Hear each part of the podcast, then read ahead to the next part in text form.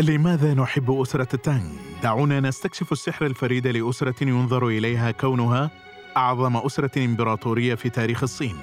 الحلقة الرابعة: القوة وراء الوجه الملون، القوة خلف الوجه المخضب.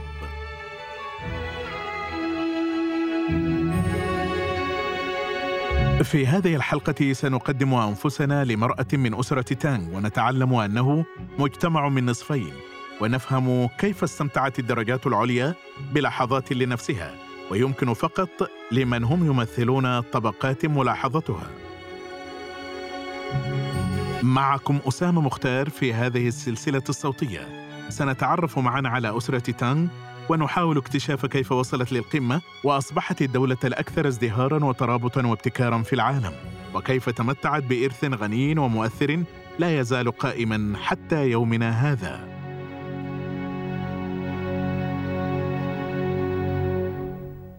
عندما ننظر إلى عصر أسرة تان كما هو الحال مع أي عصر تاريخي من السهل أن نفعل ذلك بمناظير وردية. لنرى مجتمعا باهرا ومترفا ومحققا للإنجازات ومنفتحا واستكشافيا. بالتأكيد لقد كان الوقت الذي اجتمعت فيه العديد من جوانب متعلقة بما عليه الصين اليوم وجوانب رؤيتها لنفسها في التاريخ تمتعت بمجتمع واقتصاد وفن وعلم مزدهرين. وكانت أمة تجارية عظيمة فأصبحت موضع غبطة أنحاء العالم المعروفة من المؤكد أيضا أن النساء اللاتي كن على رأس المجتمع أدين دورا رئيسيا في تحقيق ذلك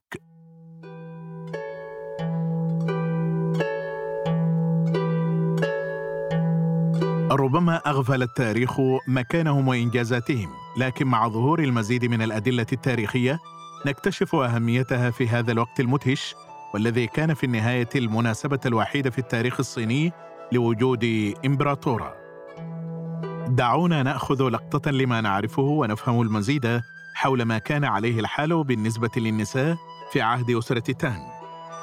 يركز التاريخ على الأباطرة والملوك والسياسيين والجنرالات والمعارك والاستراتيجيات. في الآونة الأخيرة فقط بدأنا نتأمل التاريخ الاجتماعي وحياة الناس العاديين مما منحنا فهما أكثر ثراء لكيفية تفكير الناس وتصرفهم في الماضي من المحتم إذن أن نعرف الكثير عن الشخصيات المشهورة في عهد أسرة تانغ. ولكن حتى مع ذلك يمكننا أن نتعلم الكثير عن الحياة بشكل عام. إذا نظرنا عن كثب إلى ما يمكن أن نصفه بأنه عناوين تانغ الرئيسية.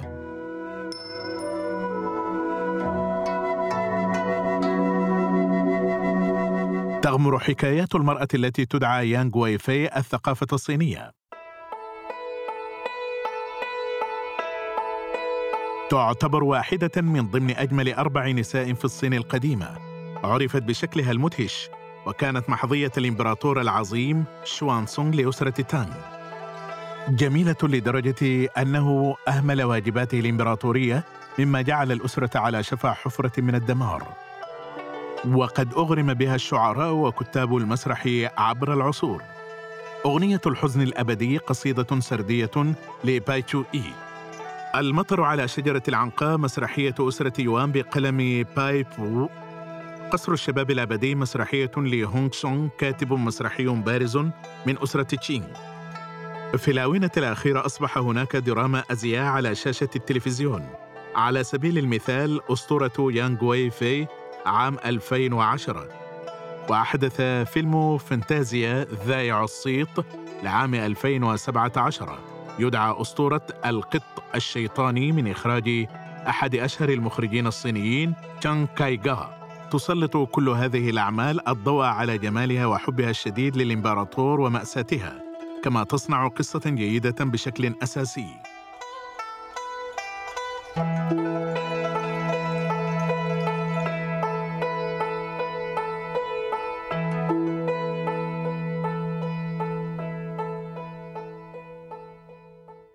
لكن يكفينا الحديث عن الخيال. ما الذي نعرفه عنها بالفعل؟ كانت يانغ ويفي الواقع ابنة مسؤول كبير والتي كانت في الأصل محظية لابن الإمبراطور سيوان سونغ. لكن الإمبراطور البالغ من العمر ستين عاما وجدها مغرية لدرجة أنه أجبر ابنه على التخلي عنها. بسبب تأثيرها لم يمض وقت طويل حتى دخلت شقيقتها في الحرم الإمبراطوري. وأصبح ابن عمها أول وزير للإمبراطورية. بفضل يانغ ويفي صعد إلى السلطة القائد الشاب الطموح آن لوشان وتبنته كأنه ابنها. ويقال إنه أصبح عشيقها. مع هذه الرعاية الشديدة سيطر آن لوشان على جيش قوامه 200 ألف لكن سرعان ما انقلب ضد الإمبراطور. أجبر شوان سونغ ومحكمته على الفرار إلى الجنوب. وفي الطريق غضب الجنود الإمبراطوريون من يانغ وعائلتها الذين ألقوا باللوم عليها في إذلالهم وأعدموها. كانت نهاية يانغ ويفي أليمة لكن شهرتها وثروتها عندما كانت لا تزال على قيد الحياة فتحت نافذة رائعة على حياة المرأة ودورها في أسرة تانغ. نعرف الكثير عن مظهرها. إنها واحدة من النساء القلائل في تاريخ الصين اللاتي قمن بمقاومة الاتجاه المتصور لكونهن نحيفات وضعيفات. بعيدا عن ذلك تظهر الصور في ذلك الوقت أن الجمال خلال بعض فترات أسرة تانغ كان ذا أبعاد طبيعية أكثر مع التذكر أن هذه كانت فترة 300 عام تقريبا. لذلك حتى الأذواق في فترة تان كانت تغيرت. تذكر أيضا وبشكل حاسم في سردنا أن الموضة والاتجاهات تأتي من أعلى. كان من الممكن أن تنتشر أذواق الأباطرة في النساء وأزيائهم عبر المجتمع. لكن هل نصنع الكثير من أنواع الأجسام؟ اكتشف علماء الآثار تماثيل قديمة تشير إلى أنه كان هناك تفضيل في البداية للأشكال النحيلة. بحلول منتصف فترة تانغ أصبحت الأشياء الصناعية أكثر وفرة. لكن ظل هناك شيء واحد ثابتا وهو الوجه المستدير. هناك القليل من الأدلة حول النصف السفلي من الجسم وذلك ببساطة لأن الملابس في ذلك الوقت وإن كانت جريئة من حيث الكتفين المكشوفين لم تكشف ما تحت الخصر. كانت الأزياء الطويلة تلامس الأرض. ومع ذلك ينظر أحيانا إلى أسرة تانغ على أنها واحدة من أكثر الأسر جرأة في تاريخ الصين. وقد ساوى بعض الخبراء هذا بالحرية للمرأة في المجتمع. هذا الأمر محل جدل. بعد أسرة سونغ فقدت النساء حريتهن تدريجيا في المشاركات الاجتماعية بل حتى في الخروج.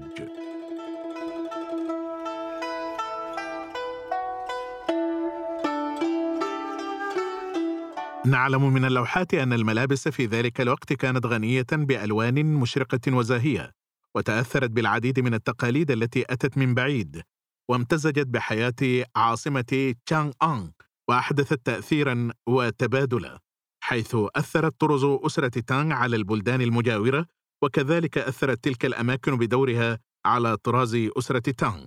تعطينا الصور المعاصرة أيضا فهما جيدا لمستحضرات التجميل هناك العديد من اللوحات على غرار السيدة الجميلة التي تضع دبابيس الشعر والتي تظهر الموضة لنمص الحواجب وإعادة طلائها على شكل ورقة شجرة كبيرة مقلوبة.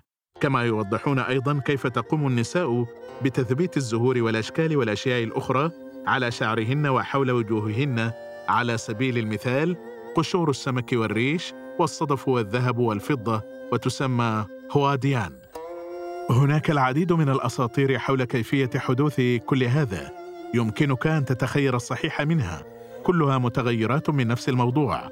أكثر ما يعجبني لأنه الأقل عنفا هو ما يتعلق بالامبراطوره ووزاتيان لأسرة تان ويحكى كيف أنها كانت غاضبة للغاية من نصيحة إحدى مستشاراتها الرئيسيات شانغ وان وان آر لدرجة أنها عاقبتها بوضع وشم نقطة حمراء على جبهتها. حتى تخفي هذه العلامة رسمت زهورا عليها والتي أصبحت رمزا مالوفا بعد ذلك. النسخة الأكثر عنفا هي التي قامت فيها وو تساتيان بإلقاء سكين صغير على جبين موظفتها مما تسبب في جرحها. ومن الواضح أن محاكم تان كانت بعيدة كل البعد عن الملل. بالإضافة إلى التسبب في تلف الوجه كانت الإمبراطورة ووتساتيان أيضا شخصية مؤثرة عندما يتعلق الأمر بتقنيات وضع مستحضرات التجميل. تتحدث السجلات التاريخية عن بشرتها الشابة حتى في سنواتها الأخيرة. يرجع الأمر إلى ما أسمته بغبار الجنية وأعطت تعليمات صارمة بشأن تحضيرها. نلتقط عشبة ذنب الأسد الصينية. أولا في اليوم الخامس من الشهر القمري الخامس ونتركها تجف في الشمس. ثم نضع الدقيق والأعشاب في مسحوق ونخلطهم بالماء. تشكل على هيئة أقراص صغيرة ثم تحرق. وتطحن الحبوب مرة أخرى وتضاف الأجسام المجففة لإناث الحشرات القشرية ويستخدم المسحوق ثلاث مرات يوميا. اعتادت أيضا على دهن وجهها بمزيج من دهن الخنزير والأعشاب الصينية والجذور والبطاطا الصينية والزهور ماغنوليا محذرة أنه يجب شطفها بعد عشر دقائق. طبقا لما ورد كانت تأكل الأطعمة الغنية بالبروتين والأطعمة البحرية ومربى الزهور بانتظام. وكانت رائدة في العلاج بالروائح والتي زعمت أنها ساعدتها على التفكير. لو كان موقع يوتيوب موجودا في ذلك الوقت لذاعت شهرتها على وسائل التواصل الاجتماعي. لكن بالطبع أشخاص مثل ووتسا تيان ويانغ وي في كانتا على القمة حيث ارتدينا ملابس فاخرة مع وضع مستحضرات تجميل فاخرة. ومن الواضح أنهن تمتعن بالكثير من القوة والتأثير في المحكمة. كان الأمر مختلفا تماما على الرغم من أنه في الطرف الآخر من المجتمع. للأسف هذا هو المكان الذي يخيب فيه التاريخ أملنا. نحتاج للبحث عن مزيد من الأدلة. إذا نظرت بجدية تجدها هناك. على سبيل المثال نعلم أن أخت يانغ ويفي كانت تسافر أحيانا مع مجموعة كبيرة من الخادمات والوصيفات كانت النساء الفقيرات يركضن وراءهن مثل غربان الجيفة وطيور العقعق على أمل التقاط الخرز ودبابيس الشعر التي سقطت منهن ليتمكن من بيعها مقابل الطعام. كانت الفجوة بين الأغنياء والفقراء هائلة. تصف إحدى لوحات سلالة تانغ للشاعر وانغ فانغتشي زوجين فقيرين يرتديان ملابس رثة للغاية لا يمكن إصلاحها. لذلك من الواضح أن مكانة المرأة في مجتمع تانغ كانت مثل بيضة نصفها جيد ونصفها الآخر فاسد أجزاء منها رائعة وأجزاء أخرى منها سيئة